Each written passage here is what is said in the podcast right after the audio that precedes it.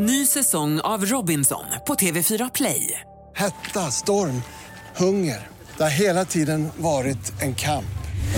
Nu är det blod och tårar. Fan händer just nu. Det. är Detta är inte okej. Robinson 2024, nu fucking kör vi! Streama söndag på TV4 Play. Podplay.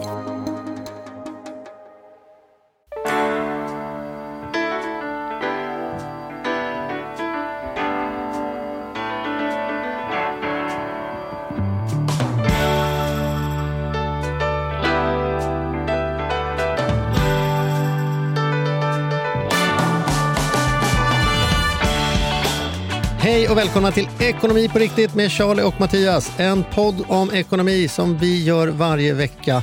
Och idag är det så att vi har ju motorcykelskägget i egen hög person Arturo Arkes med oss här.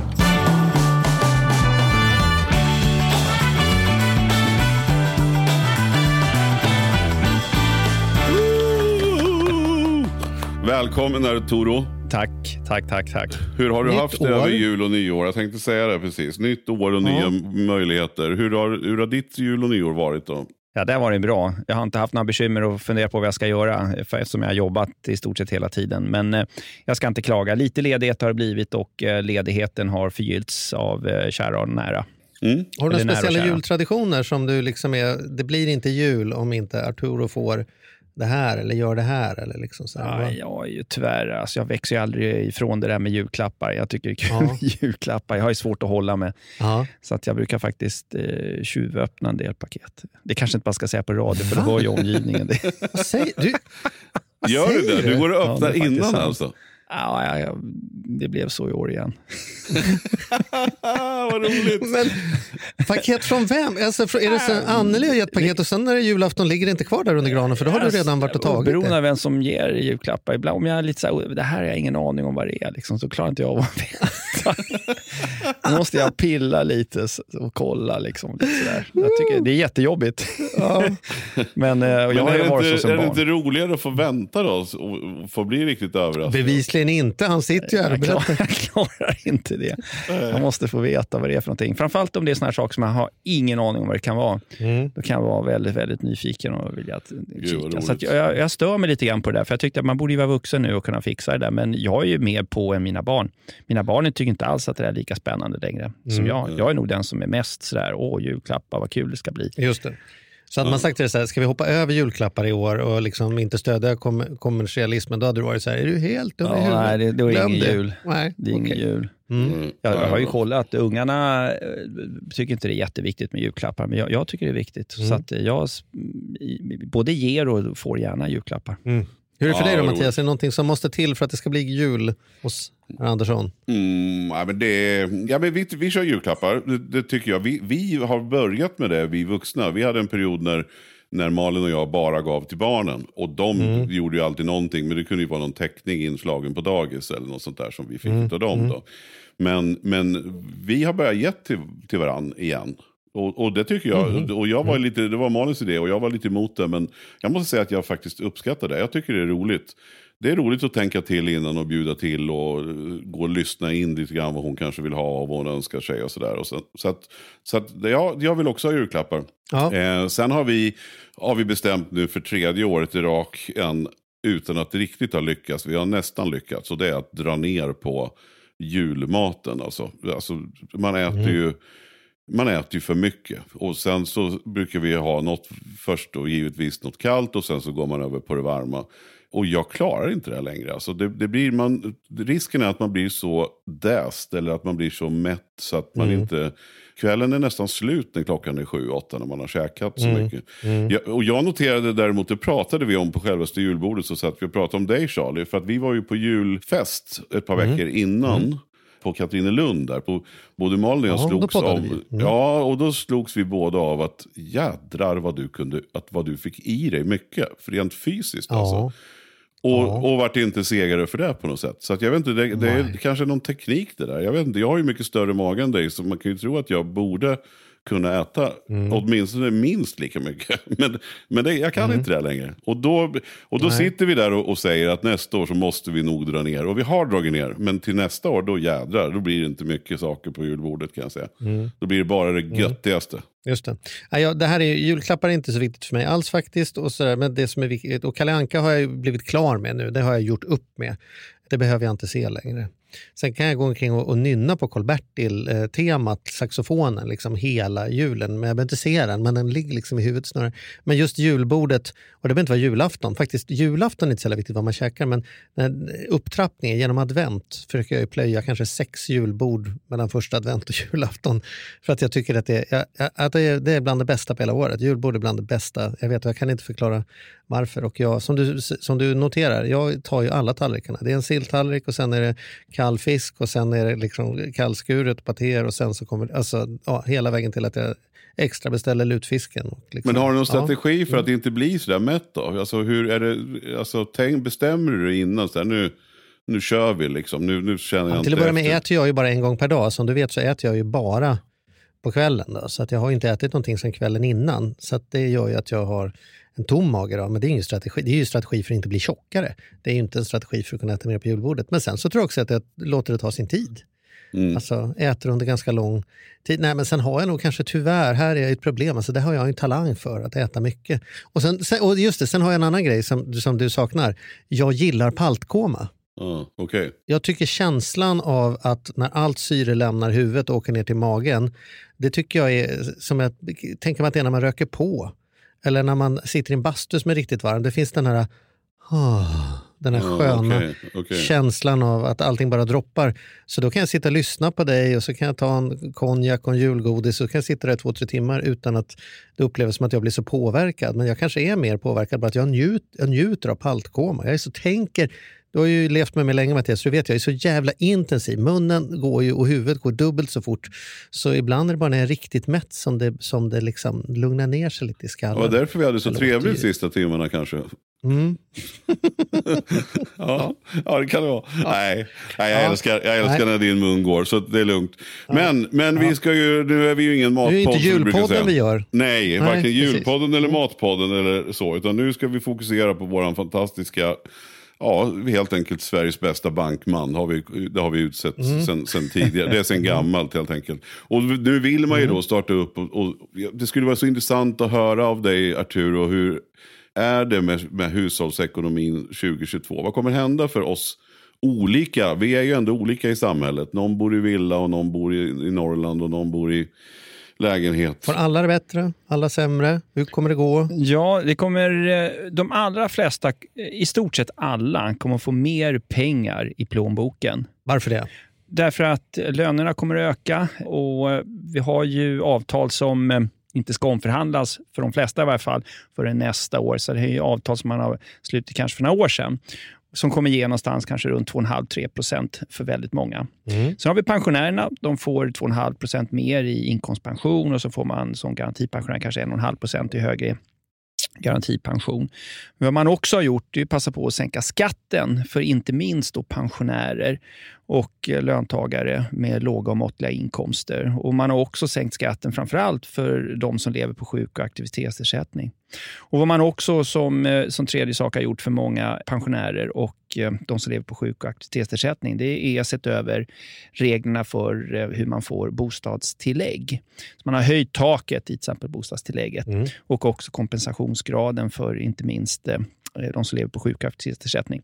Så det kan bli faktiskt rätt mycket pengar om man tittar på till exempel eh, ja, garantipensionären och de som lever på sjuk och aktivitetsersättning. Man har också höjt garantinivån, de som har den lägsta ersättningen som lever på sjuk och aktivitetsersättning med ungefär 1100 kronor. Och tar man i beaktande då det här med skattesänkning och bostadstillägg så kan det bli en tusenlapp och kanske mer än så beroende på vilken inkomst man hade innan. Och Det är mycket pengar för de här grupperna. Mm. Så alla får lite mer, men de som har minst får lite mer mer än de som har Ja, i, mest. pro- I procent så får de som har minst mest. I Ja. kronor räknat så, Så det kan, förstås. Ja, Ja. Så kan Mm. det variera. Men, men så alla kommer få mer, i stort sett alla kommer få mer pengar i plånboken. Men tyvärr på grund av inflationen så kommer väldigt mycket av det här ätas upp av eh, till exempel högre energipriser, högre drivmedelspriser och annat. Aldrig får man vara riktigt glad. Nej, men, alltså, Nej. nej. men alltså, för, för det här stämmer ju inte för mig. Därför att I januari så damp det ner. Det var som så här, och jag snackar om skomakarens barn, jag borde väl ha koll egentligen. Ja, det borde du faktiskt. Det borde Ja, du faktiskt. ja, men det borde jag. Men, men jag, jag kan Mm. tycka att jag har det. Men jag, jag har alltid haft rörliga,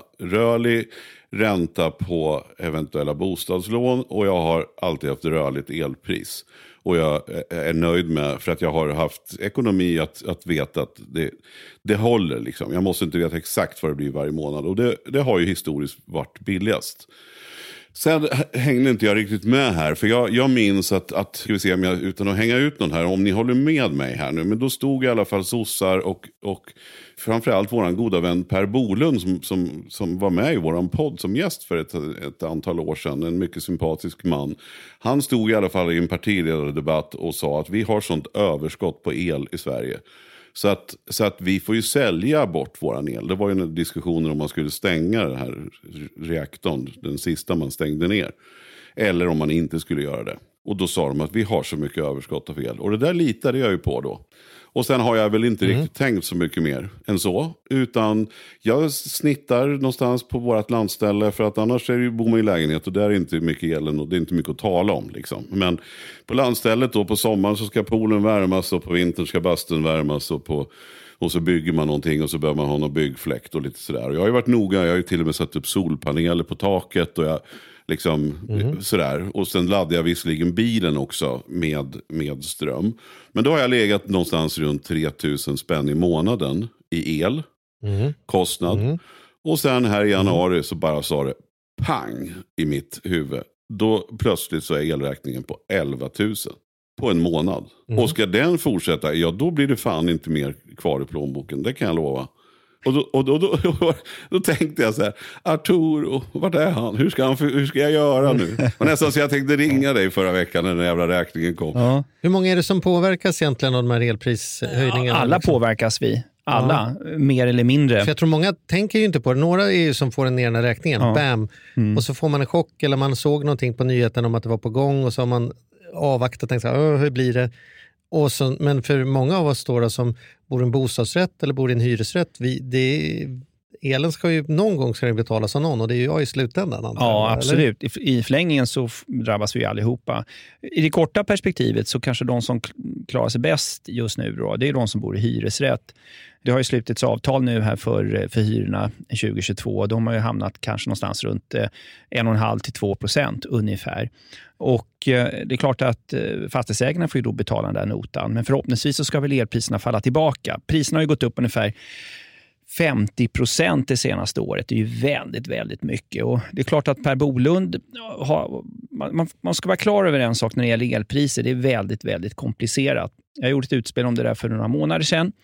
Eh, där jag hade tittat då på eh, vad som hade hänt med, med elkostnaderna, uppvärmningskostnaden för inte minst småhusägare. Och då kunde man ju konstatera att förutom att vi har fyra elprisområden där eh, elprisområde 4 nere i Skåne till exempel har den största prisvariationen. Där varierar el, det rörliga el, alltså börspriset på el. Man handlar ju på Nordpol.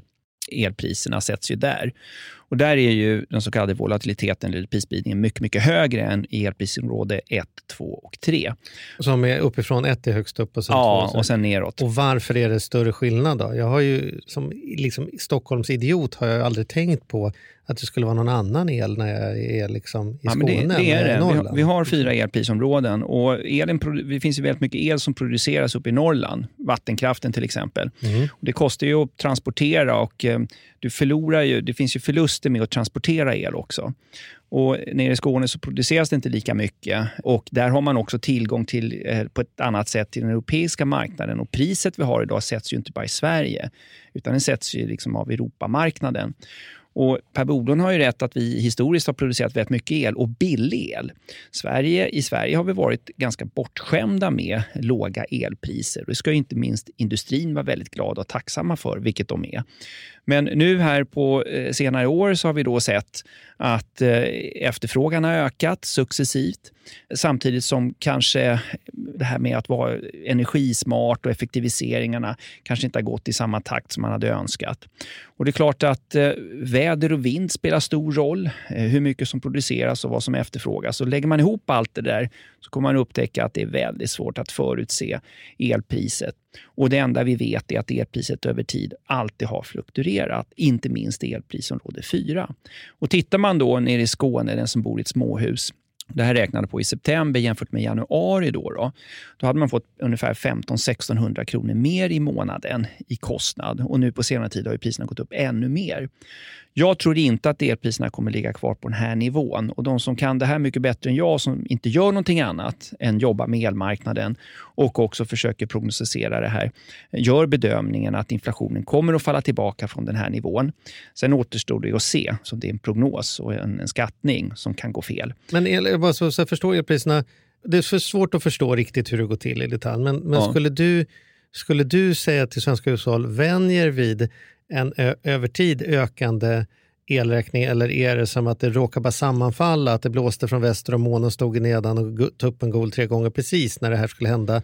Eller, alltså, är det någon freak accident eller är det, ja vi tillverkar inte mer, för alla tjatar ju nu, alltså, eller tjatar ska jag inte säga, men fossilbilarna ska bort och det ska vara elbilar. Mattias laddar sin bil. Förut köpte han ju bensin, nu köper han ju el istället. Jag menar, det verkar ju ganska logiskt. Vi bygger serverhallar istället för att bygga gruvor. Alltså, så här, mm. borde ju vara som att det Successivt så tror jag att ska öka, öka, öka. Ja, det är väl planen att... att... vi ska konsumera mer el och mindre annat. Liksom. Efterfrågan på el tror jag kommer att öka. Aha. Sen, eftersom det sker, teknikutvecklingen gör ju också att eh, verkningsgraden av eh, de här, ta en bergvärmepump pump till exempel idag mycket, har mycket högre verkningsgrad än vad den hade för 20-30 år sedan. Mm. Så att eh, mycket av den teknikutvecklingen som sker bidrar ju till att man kan utnyttja befintlig effekt på ett annat sätt, eller kraft, än vad man hade tidigare. Det är en, en förklaring.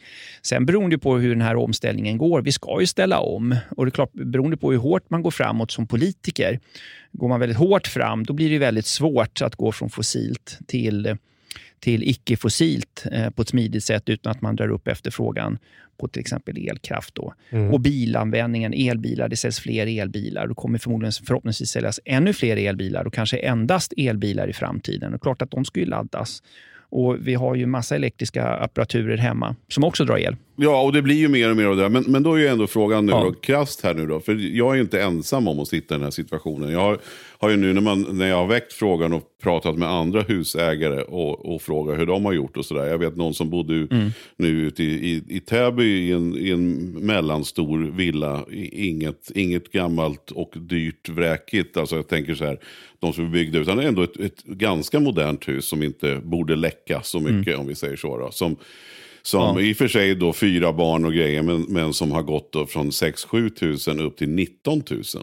Och för, alltså, det är väldigt extremt. Ja, det är extremt alltså. Och, och, ja. Men alltså det, det, blir ju oerhörda pengar. Men för mig var det, faktum kvarstår. Jag har ju tittat på den där räkningen många gånger. Mm. Och jag har ju mina 11 000. Hur tycker du nu då? För mm. då gick jag in och kollade så här. Ska jag binda elen? Men då, är den, då får jag ju binda den till nästan 1,40, 1,50 eller något sånt där. Som är ju hysteriskt ja. mycket pengar när den var nere på 40 öre i somras. Liksom. Ja. Eh, ska, ska, jag, ska, ska jag betala 11, hur många, hur många månader ska jag sitta och ligga kvar på rörligt? Eller ska jag binda direkt? Vad, vad hade du gjort om du hade, du hade ju aldrig hamnat i den här situationen, men, men, vad hade du gjort? Ja, jag hade nog, om jag har gjort min hemläxa sen tidigare, som jag vet att du har gjort, och gjort bedömningen att jag har råd att kosta på mig att köra rörligt, för över tid har det visat sig vara billigast. Jag måste inte veta vad min boendekostnad är varje månad. Då ska jag ligga kvar med rörligt. Jag skulle inte binda nu. Å andra sidan, om jag inte har något val och lever med små marginaler och inte har gjort min hemläxa sen tidigare, ja då kanske jag måste binda. Men jag skulle inte göra det, utan jag skulle ligga kvar det är inte ovanligt att priserna fluktuerar, inte minst är som högst nu när efterfrågan är som störst, vintertid som vi har nu. Ja, och Som vi har lärt oss nu, det är störningar i elproduktion, det är något kärnkraftverk där som måste stängas ner ett tag för att man ska renovera eller fixa eller laga någonting. Det kan eh, blåsa ovanligt lite, det, kan, det finns massa saker som, som kan påverka priset både uppåt och neråt. Jag skulle ta mig en funderare i lugn och ro sen när, när vi börjar närma oss våren eller sommaren och fundera långsiktigt sen vid den tidpunkten hur jag vill göra med mitt elpris. Och precis mm. som med rörliga bolån eller fast ränta på bolånet, det är ju en funktion av eh, vilken riskvilja du har, vilken marginal du har i din ekonomi. Har du goda marginaler, då har det visat sig historiskt i varje fall att det är billigast med rörligt. Lever du med små marginaler och är beroende av att veta vad boendekostnaden är, så eh, såklart kan det vara skönt att ha ett fast pris. Så är det ju. Men, men nu pratar vi om, om villor. Då tänker jag så här, jag tror många sitter på bostadsrättssidan Mm. och inte ens har kommit på att de också har fått en ökad kostnad. Därför att än så länge så är det föreningen som betalar de avgifterna. Ja. Nu kommer det komma, en, om ett par månader här så kommer alla föreningar kalla till årsstämma och då kommer st- bo- bostadsrättsföreningens styrelse föreslå en, en ny avgift som ska klubbas igenom. Ja. Och då kan man ju räkna med att, ja, men att det kommer bli väldigt, väldigt, väldigt många föreningar som tidigare har varit att vi ligger kvar på samma avgift som nu plötsligt behöver höja kanske flera hundra per lägenhet. I, på vissa ställen kanske tusen kronor. Så det finns ingen risk att vi kommer se en sättning på bostadsmarknaden när det blir en chockeffekt om, om eh, några månader när folk på riktigt inser att min avgift på 2,8 blev plötsligt 3 och 4 här och då helt plötsligt var den inte värd 4 miljoner i Stockholm längre, då var den värd 3. Liksom. Ja. Nej, jag, jag är inte så eh, eh, orolig över det. Dels därför att oftast, förhoppningsvis, då, så har man en styrelse som är lite förutseende och som jobbar långsiktigt. Många har ju då fast avtal för föreningen. Många, som min egen till exempel, har investerat i bergvärme och påverkas inte lika mycket. Så det finns ju saker och strategier man kan göra. Och sen, Men man kanske, om man är en förening där man vet att man har eluppvärmda lägenheter Ja. som betalas av föreningen, ja, då skulle man kanske behöva smyga iväg ett litet mejl till ordföranden och fråga om vi har prast eller rörligt pris så att man inte blir chockad när det kommer en Absolut. av avgiften här. Nu är det väldigt vanligt med fjärrvärme till exempel i bostadsrättsföreningar Precis. eller Ja. bergvärmepumpar, så att man påverkas inte lika mycket. Men, men absolut. Och Uppvärmning är vid sidan av kapitalkostnaden för många bostadsrättsföreningar den enskilt största utgiften. Så det här med uppvärmning är ingen oviktig fråga för föreningen. Tvärtom, det är en väldigt viktig fråga. Och Vad jag tror att det här kommer att göra på sikt, det är att fler, och det ser vi ju nu, det är nästan omöjligt att få tag på en bergvärmepump om man nu vill ha en sån. Därför att är slutsålt. Sen vet vi att det är problem med logistik, det är problem med produktion i många eh, Det är sådana där kinesiska delar som inte går att få hit och Precis, tillverkas. Och Vi har till exempel just nu eh, problem med, eh, med tillverkningen av, av varmvatten. För att det var någon, ja, en del som saknas, man har beställt och det är flera veckors leveranstid. Men jag tror att folk kommer ju se över då såna här saker så man inte är så, så himla känslig för förändringar. Och Jag tror att det här kommer på sikt att göra att vi kommer få en jämnare, en jämnare tillverkning och en jämnare förbrukning av, av energi. Men vi är långt ifrån där och jag tror som konsument så tror jag det kan vara viktigt när man gör sin liksom, hushållsbudget och tittar på att okej, kapitalkostnaden, räntan är en viktig punkt, men uppvärmning är också en otroligt viktig fråga. Och eh, att man i ett hushåll har marginaler i ekonomin så att man fixar eh, även en, en kraftig ökning på elpriset under framförallt december, januari, februari. Vi ska komma ihåg en sak att 40 procent av den energiförbrukning som sker under ett år sker under december, januari, februari. Där sker alltså 40 procent av, eh, av årsförbrukningen. Mm. Så den här perioden är ju kall och alla vill ha el under den här perioden och behöver mycket el. Och då är priset som högst. Så att jag skulle inte binda nu och jag ska försöka ha lite is i magen. Och sen då göra de saker man kan göra. Var energismart. Sänk temperaturen hemma. Man måste inte ha 22-23 grader hemma. Man kan, eh, man kan ha 19-20 grader. Det funkar också. På natten kanske lite lägre än så. Man kan ju fundera på hur när man kör en tvättmaskin eller en, en diskmaskin eller vad det nu är för någonting. Se till att eh, köra den full och inte halvfull. Det finns ju mycket du kan göra. Tider på dygnet. Ja, när på dygnet du startar, bor i hus, kör diskmaskinen och tvättmaskinen på natten. Och så tömmer och hänger upp tvätten på, på morgonen, för att ta ett, ett annat exempel. Och just nu med jul och nyår, väldigt många har ju väldigt mycket belysning som är väldigt många gånger på dygnet runt. Det kan man ju fråga sig om det verkligen behövs också. Och som sagt, när man duschar, man måste inte duscha en halvtimme. Man kan göra som Gunde Svan, duscha på sju sekunder.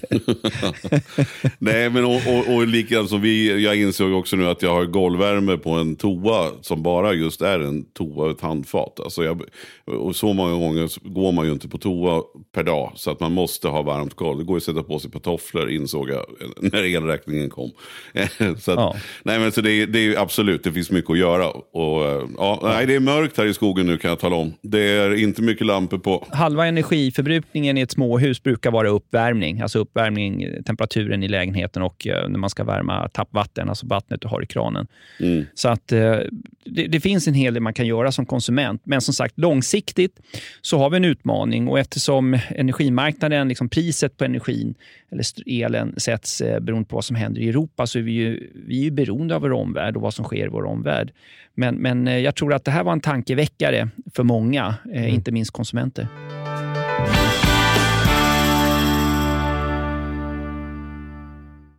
Den här podden gör vi även den här veckan i samarbete med Saveland. Fan mm. vad kul det är att ha dem med ombord. Mm, jätte, jätteroligt. Ja, vi brukar prata om att man har något band som man såg jag stod Bo Kaspers jädrigt tidigt liksom, innan man gjort tv-debut. Och du har något hårdrocksband som du var jävligt tidig på. Ja, alltså jag var på, på Lilla Teatern Göta Lejon och såg Metallica ja. 1984. Så gammal är jag. Och jag var i kontakt med Saveland när det fortfarande var typ tre, fyra personer där från mm. början. När jag fick möjlighet att träffa dem.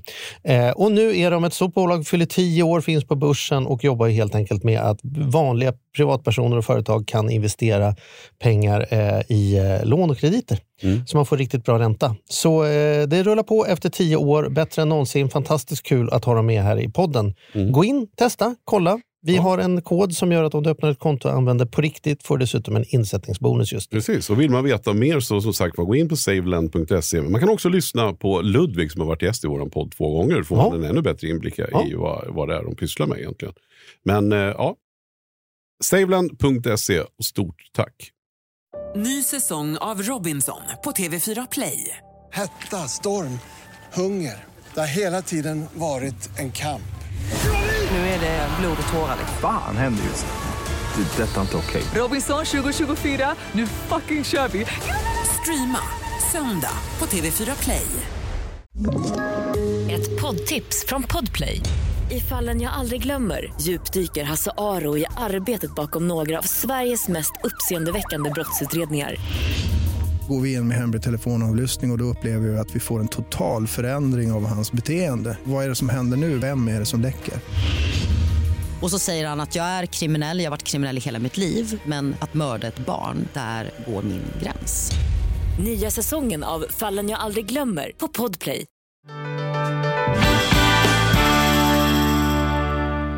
Och, och, och det här drar med sig inflationen plötsligt? Då. Ja, mm. du var inne där på vi sa att alla får det bättre. Och sen så, mm. Ja, mer pengar i plånboken sa jag, men ja, inte bättre. Du sa att, nej, inte bättre sa du inte. Du sa mer pengar i plånboken. Nej.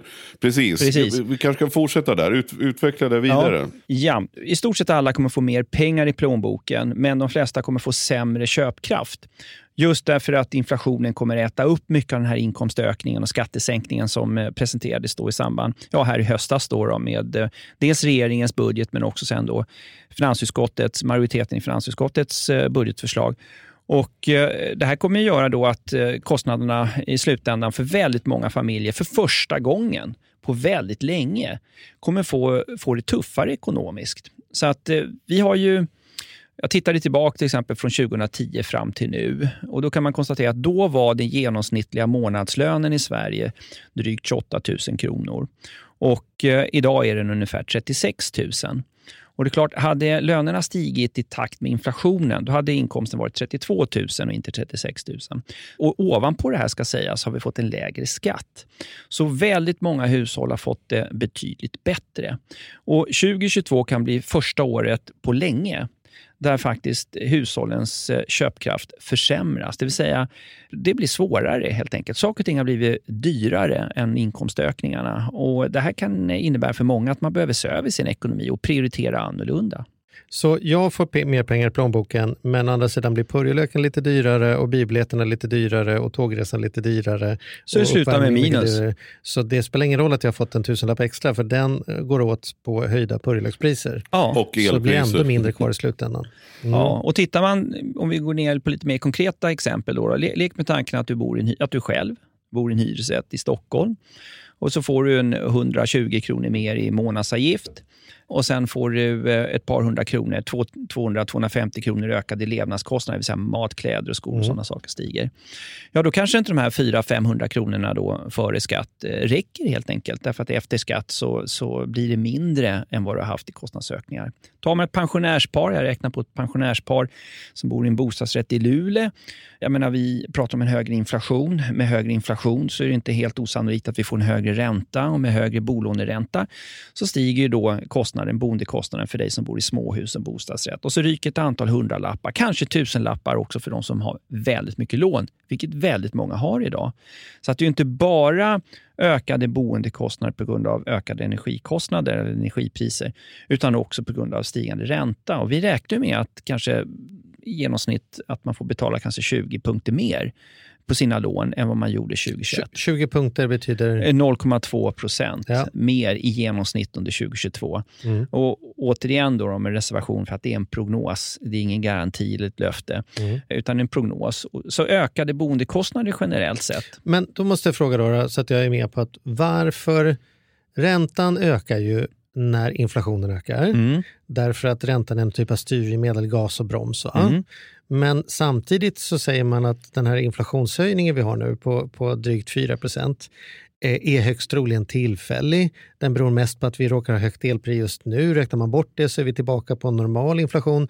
Vad är det som gör att inte räntan ska ligga tillbaka eh, liksom på samma nivå till påsk om nu elpriserna liksom lugnar ner sig? Varför ska jag räkna med en högre ränta över hela året om inflationen ändå bara ligger på 1,7 i, slutändan ändå? Om man räknar bort de här Så skulle, tillfälliga det, grejerna. så skulle det kunna bli. Ett, en av förklaringarna till varför många nationalekonomer, inte minst som, som jobbar heltid med att studera ränta, inflation och sådana saker, tror på att det här är temporärt, har att göra med när man bryter ner konsumentprisindex, framförallt KPI fast som det heter, man rensar prisförändringarna på grund av räntan. Och Det är ju det som Riksbanken tittar på, KPI fast. Och den Inflationstakten nu är 4,1. Men när de bryter ner den då, så ser de då att ja, men en stor förklaring eller huvudförklaring till varför inflationen har gått upp på senare tid är energipriser och drivmedelspriser. Drivmedelspriserna har gått upp med nästan 29-30 procent. Tar man bort det då, då, ja, då, då är ju inflationen en, en bit under 2 procent, runt 1,7-1,8 procent. Och då är vi ju på målet. Men För målet är knappt 2% Målet är ju 2 procent. Mm. Det, är man, det är det märket man tittar på. Precis som arbetsmarknadens parter, när de ska löneförhandla, så utgår de ju från 2 procent. Och, och eftersom det har blivit lägre än så, så har ju löntagarna gynnats väldigt bra av de avtalen som har slutits. Även om den absoluta nivån har varit låg, så har inflationen varit ännu lägre. Så det har Mm. varit en bra löneutveckling då, realt sett för, för löntagarna. Men Saken är bara den, vi hörde här förra veckan, så var ju, eller förra, veckan så var Ikea ute och sa att producentpriserna har stigit kraftigt. I genomsnitt så har producentpriserna stigit med 18 procent och då är det många företag som behöver kompensera sig för det. Ikea gick ut och sa att vi behöver höja priserna med i genomsnitt 9 procent.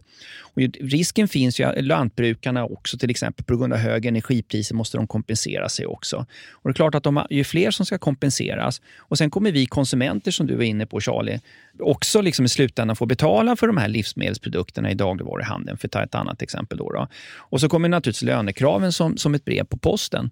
Och Det är väl det som återstår att se hur det blir med det. Om man i avtalsrörelsen som för nästa år, då, då, som ska påbörjas snart, kommer att kräva de här kompensationerna och då är ju den här spiralen igång. Och som sagt, exakt vad som kommer hända vet ingen. Men, men eh, de som jobbar med det här, de tror att eh, den här inflationstakten vi ser just nu, den kommer falla tillbaka. Frågan är bara hur mycket. Och alldeles oavsett, jag, menar, jag kan bara titta på personalmatsalen där jag jobbar. Jag höjde priserna med 10 procent. Mm. Så att liksom, vi ser ju det runt omkring oss hela tiden, hur, eh, hur priserna justeras. Sen är ju det en engångshändelse. Frågan är, kommer man höja igen och igen och igen? Och Det är det som är inflationen, att det fortsätter. En sak är att man kompenserar sig för en engångshändelse och sen ligger priset fast igen. Men om det är så att det hela tiden justeras, ja då har vi ju en, en inflationsspiral som gör då att vi konsumenter kan få problem. Och eftersom få avtal ska omförhandlas nu under 2022 så, så kommer vi inte få så mycket i, eh, i högre lön i år utan det är ju sen gammalt avtalat redan. Så det indikerar att den borde inte rusa iväg i alla fall? Nej, lönerna Inflationen. kommer att... in- Det blir ingen löneinflation i varje fall under 2022 eftersom de flesta avtalen eh, får omförhandlas först nästa år. Och Det är klart att det gör ju då att om, om inkomsterna är ganska fasta då för oss eh, löntagare och garantipensionären får 1,5 procent och, och inkomstpensionerna höjs med 2,5 procent. Blir inflationen då runt 3, 3,5, det vill säga faller tillbaka från 4,1 till kanske 2,5-3, ja så är det fortfarande sämre Mm. för oss 2022 i gemen än vad det var 2021. Mm. Och hur blir det med våra sparpengar och sådana saker? Många av de, våra lyssnare har ju på riktigt aldrig upplevt inflation som är någonting att tala om, höll jag på att säga. Ja. Varit ganska nära noll inflation. Ja. Men om, om våra pengar tappar en 4-5 procent i värde varje år, då är, krävs det inte så många år för att den där miljonen man drömde om att få upp på sparkontot inte räcker till, till ens hälften det man hade tänkt att skulle räcka till när man blev pensionär. Liksom. Och nu 2022 finns ju en risk att vi från att ha haft en inflation runt en halv procent till en procent under många år och sen så kanske på senare tid en och en halv och nu då taktar över fyra. Det är klart det kommer att märkas. Så det här tror jag eh, kommer att stressa många som sparar. Att eh, jag kan inte ha pengarna på ett sparkonto. Och där, Då tycker jag man ska vara lite försiktig, därför att eh, ingen bör ha alla pengar på börsen. Det kan jag säga som gammal börsmäklare. Ingen bör ha alla pengar på börsen. För börsen är högt värderad och, eh, och vi har haft en kraftig, förra året över 30% uppgång och eh, under flera år nu en väldigt kraftig börsuppgång. Och att lägga allt på rött, det kan bli, det kan bli jobbigt. Så att jag det, det, är svårt som konsument att värja sig mot den här penningpolitiken som vi har. Nu har vi en penningpolitik där vi ska ha en, en, en styrränta som är väldigt expansiv, det vill säga hålla priset på pengar lågt. Och det är klart att då blir det svårt att hitta riskfria alternativ för oss som kompenserar oss för inflationen. Och i stort sett så finns det ingenting för oss konsumenter, utan det är att acceptera det här som en kostnad. Mm. Mm. Så kan vi få några scenarier uppspelade? Liksom, vem kommer vara vinnaren, vem kommer förloraren? Hur illa blir det beroende på vem man är och hur man är? I år så skulle ja. jag säga att eh, vi, om vi nu ska... Det är svårt att säga att man som eh, sjuk och eh, en individ som lever på sjuk och aktivitetsersättning är en vinnare, men relativt sett så kan vi säga att man har prioriterat individer med låga och måttliga pensioner och eh, individer med sjuk och aktivitetsersättning. Det är de vinnarna relativt sett. Då. Och eh, lite grann beroende på eh, vem man är och var man bor så pratar vi om att man kommer förmodligen, de här grupperna, förmodligen klara inflationen, den ökade inflationen.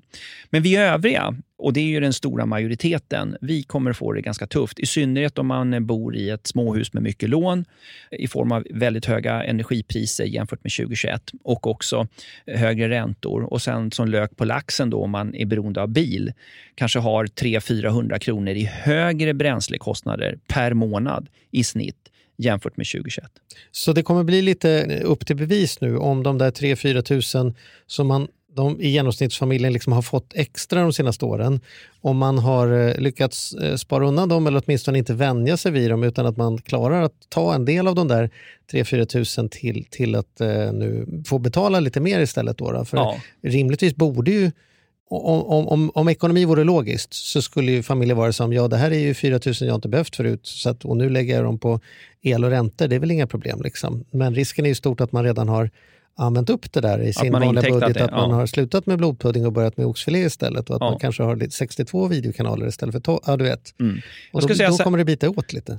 Bara för att vara väldigt tydlig då. Jag, jag skulle, mellan tum, grovt såklart, mellan tummen och pekfingret. Ensamstående som bor i hyresrätt i Stockholm. Kostnaderna kommer öka någonstans med runt 400 kronor. Pensionärspar i Luleå som bor i en bostadsrätt tre rum och kök med lån på 1,4 miljoner. Ja, men räkna med en tusenlapp ökade kostnader per månad.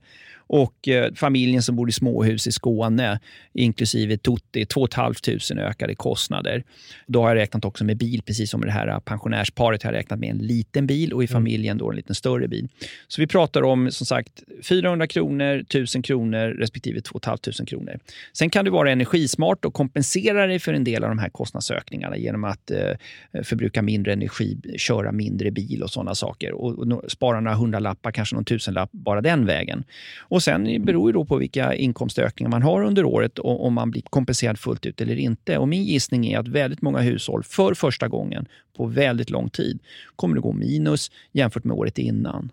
Mm. Men och vad händer då med bo Tror du att vi väntar någon skalv på bostadsmarknaden? Det brukar vara din, vår slutfråga till dig. Ja, nej, jag tror faktiskt inte det. Kristallkula. Ja, under förutsättning att inte inflationen drar iväg ytterligare här och att räntorna skulle dra iväg, vilket vi inte tror, så tror jag att vi kommer ha en fortsatt eh, prisuppgång, om än ganska måttlig. Därför att vi har en väldigt, väldigt stor bostadsbrist fortfarande. Och Dessutom ska vi inte glömma bort att de flesta som handlar eh, eller köper en ny bostad, de har ju redan en bostad sedan tidigare. Så, så situationen för de som är i bostadsmarknaden är väldigt god. Men situationen är ju toktuff för den som ska in på bostadsmarknaden för första gången. Och Det har den ju varit länge, men för dem är ju dörren inte bara stängd utan också låst. Mm. Mm. Ja. Ja, mm, får man ta, ta och tänka på. Tänk, det är klart att ja. gläds åt lönekuvertets ökning, absolut. Men Men det här är ju faktiskt historiskt som du säger Arturo. Så att det här, är- alltså håll, håll i slantarna och se vad man kan kompensera själv. För det kan man ju väldigt, väldigt mycket. Absolut. Och man kanske får gå ner från oxfilé till ryggbiff eller ändå ner till köttfärs i så fall. Ja. Och som sagt, tittar man på, eh, vilket vi gör då, vi studerar ju då hushållens faktiska levnadskostnader och sen tittar vi då på vad som är nödvändiga levnadskostnader. Och det är ju för de flesta då eh, som inte är arbetslösa eller lever som garantipensionär, där man alltid då lever på marginalen och är vana vid det. Men alla vi andra som, som är lyckligt lottade med att ha en hygglig ekonomi och som har kunnat liksom surfa på den här vågen under 10-15 år. Vi har ju väldigt stora marginaler i vår ekonomi och, och det är klart att eh, ett enskilt år som 2022 som blir lite sämre tror jag att väldigt många klarar av. Men det gäller ju då att ha koll på sin ekonomi. För som sagt, alla har ju inte de marginalerna. Och även om man har de här marginalerna så är det ju trist att eh, semestern behöver strykas därför att energikostnaderna har ätit upp hela semesterkassan. Mm, verkligen. Ja, mycket intressant och eh, vad, vad bra. Bra för oss att veta. Att vi vet det här i, januari redan. Det är inte alla som... Det är mycket bättre att man får veta det här redan nu. Så att man kan hinna göra någonting åt det. Så kan vi väl hoppas då att inflationen ändå lugnar ner sig nu under året. Och att det faktiskt kan gå ner till något, till något sunt. Eh, och inte minst då att få ordning på energifrågan. Som, som ju är en stor del varför inflationen har ökat. Nu har man ju, jag vet inte om jag kan nämna det, men precis här i dagarna så, så um, föreslog ju faktiskt regeringen förslag på hur man kan kompensera då, eh, folk som förbrukar då över 2000, alltså de som har haft en hög förbrukning under december, januari, februari med 2000 kronor i månaden. Men det förutsätter då att man har haft en energikostnad över en viss nivå. Men eh, det här är ju ett, ett förslag då som skulle kunna omfattat upp till en 1,8 miljoner hushåll. Så Mm. att eh, det finns ju saker på gång nu för att kompensera hushållen för de här höga energikostnaderna. Ja, men det gör det. Och jag tror också precis som, som det, det som är sagt det sista är ju det som du sa nu. Att det, om man har förbrukat över 20 000 kilowatt så ska man ju få 2 000 kronor då, tillbaka. Och det ska väl, vad jag har förstått, ske via energibolagen. Så det kan väl ta lite tid. Men att, vad jag förstod att det ska kompenseras på fakturan. Liksom från det elbolag man har. Har du hört samma sak Arturo? Ja, precis. Jag, jag räknade faktiskt på det där att, att eh, om du eh, förbrukar 15 000 kilowattimmar eller mer så är sannolikheten väldigt stor att du kan få 2 000 kronor i månaden under december, januari, februari. Det är 6 000 kronor och klart det är ju det är bra med pengar.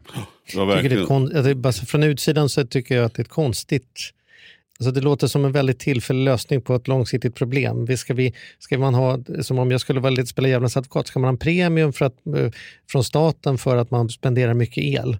Var inte idén att vi skulle göra ett samhälle där vi var energi, energieffektiva? Nu ska den som har installerat solpaneler och tagit liksom lån på det och liksom gjort ett stort arbete för ner sina fabriken, föreningen har borrat ner jordvärme och grejer, de, får, de får inga bidrag. Det är lite den där klassiken, grisen som inte byggde något hållbart hus jämfört med den som murade, äh, men då får du bo hemma hos mig istället. Så, så att, eh, ja, jag tror att en del av, av miljöengagemangsfrågan måste ju ändå hamna i så här, är det, verkligen, är det verkligen så vi ska ha det? Men då är det lite skämspeng på att staten har misskött elförsörjningsfrågan då, som, som gör att man möjligtvis kan motivera att ah, ni får de här pengarna för vi borde se till att det fanns mer med el. Kanske. Damberg var ju väldigt noga med att understryka att eh, det här var en extraordinär handling och ingenting som man ska liksom räkna med att det här är någonting som eh, regeringar gör liksom, som Nej. något återkommande. Men, men har, du provat, har du provat det med barnen? Sticka till dem pengar och säga det är bara den här gången.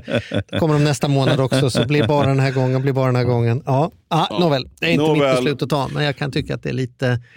Frågan är om det är där problemet ska lösas verkligen. Men det, då vart det politiskt istället. Frå- Frågan är vad du tyckte om du satt med en elräkning på 11 000 om det var bra eller dåligt. Eh, Ja, nej, nej, ja, det tycker jag är skit. Det tycker jag är skit. Mm. Nåväl. Tack så mycket för idag Arturo. Nästa gång vi hörs så ska Tack vi prata själva. om börsen. Tack snälla. Härligt. Ja, tack. Tack. för att du ville Tack. komma. Hej!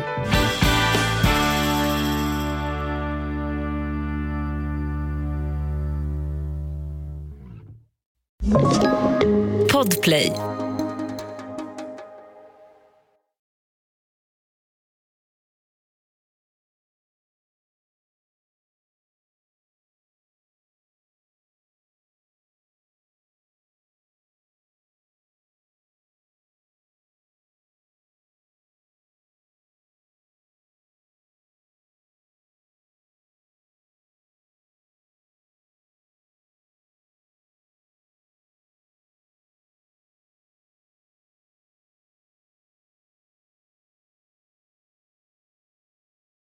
Ny säsong av Robinson på TV4 Play. Hetta, storm, hunger. Det har hela tiden varit en kamp. Nu är det blod och tårar. Fan händer just nu. Det. är Detta är inte okej. Robinson 2024, nu fucking kör vi! Streama söndag på TV4 Play.